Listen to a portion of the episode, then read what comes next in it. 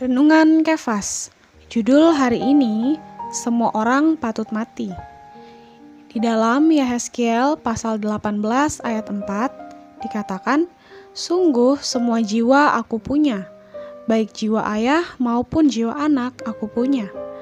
Dan orang yang berbuat dosa itu yang harus mati. Karena semua orang di dunia ini berdosa, maka di hadapan hukum Taurat Allah, semuanya telah dihakimi, semuanya patut mati. Menurut ketentuan hukum Taurat, perempuan yang berzinah itu seharusnya dilempari dengan batu sampai mati.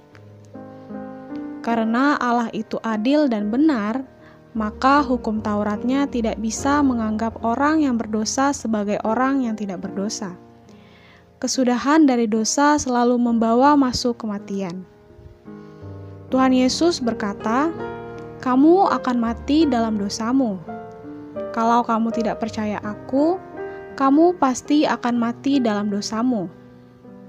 Karena kalian lahir dalam dosa, bertumbuh dalam dosa, juga hidup dalam dosa, kelak pasti mati dalam dosa.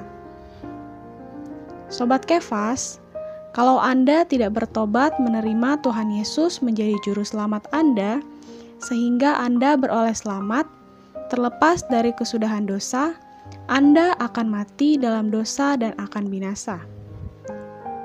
Terang hari ini, satu, adakah orang yang terhindar dari kematian? Dua, maukah kita percaya kepada Tuhan Yesus? Poin doa, mohon kepada Tuhan agar memberikan hati yang percaya sehingga membawa kepada pertobatan. Amin. Tuhan Yesus memberkati.